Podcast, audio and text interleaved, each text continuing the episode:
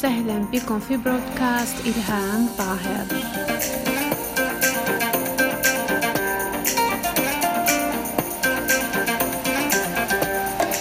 في هذه الحلقة سوف نتكلم عن النور الذي هو بداخلك.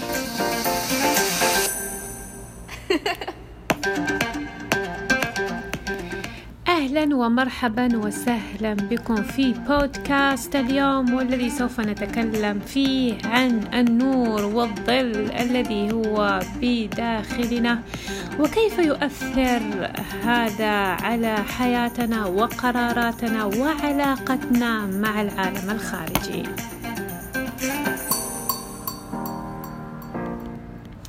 يجب أن نعرف أنه في هذا الكون يوجد معاكس لكل شيء أي للإيجابي والسلبي الليل والنهار الماء والنار الأرض والسماء وحتى بداخلنا المرأة والرجل الكبير والصغير وإلى آخره. وهذه سنن في خلق الله سبحانه وتعالى. وكذلك بداخلنا يوجد مركبات عكسية. نعيش ونرى العالم عن طريقها ونتفاعل مع الذي يحدث في حياتنا باستعمال هذه المركبات. ممكن تكون عن طريق طاقات أو معلومات وإلى آخره. اليوم سوف نتكلم عن الطاقتين التي هي النور والظلام الموجود بداخلنا.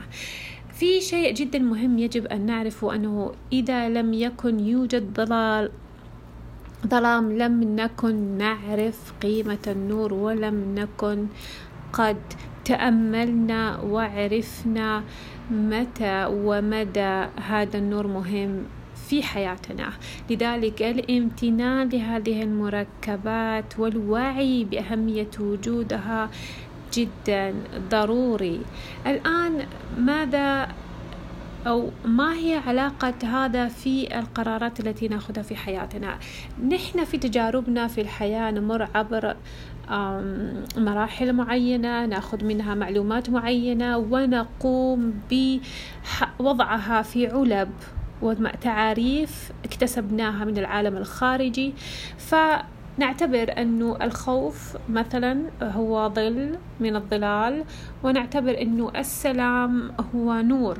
فإن لم نكن نشعر بالخوف لم نكن نعرف أن السلام شيء ونعمة لأنه سوف يكون شيء طبيعي وسوف نعتقد أن هذا هو آه الأمور يجب أن تكون بهذا الشكل. ولكن وبهذه الطريقة سوف نفقد قيمة ومعنى تلك النعمة التي هي السلام.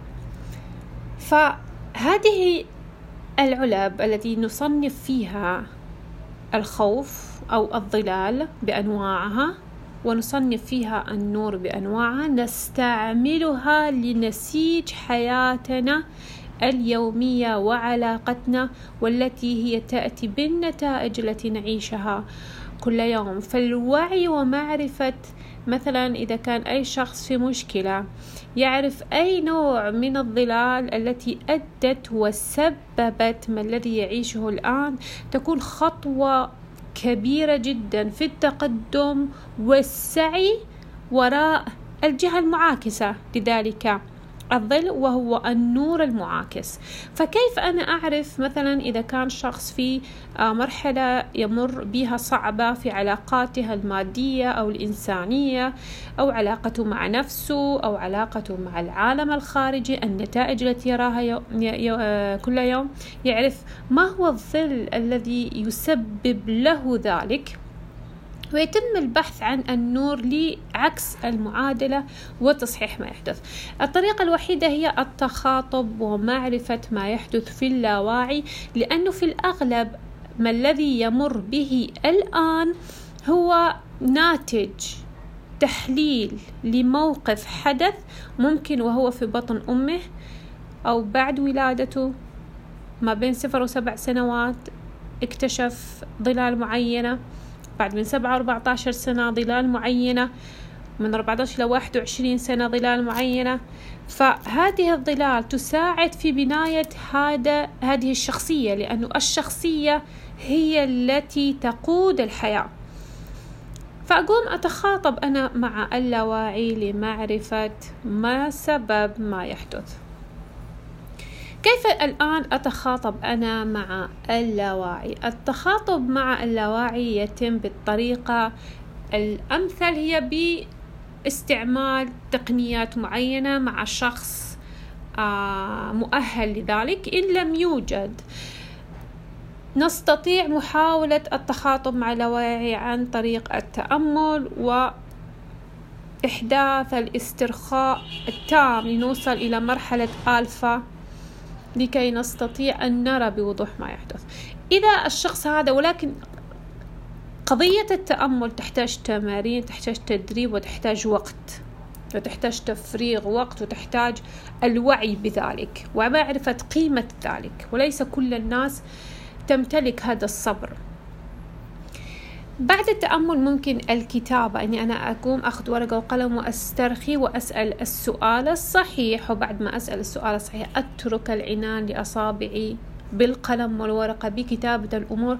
ممكن إنه في البداية لن الصورة لن تكون واضحة جدا ولكن في الأغلب في السطر العاشر تقريبا السطر 11 تبدأ الوضع يكون أكثر وضوح وسوف نرى أنه سوف تحرير تلك الطاقة يؤدي إلى دموع أو يؤدي إلى تثاؤب كثير.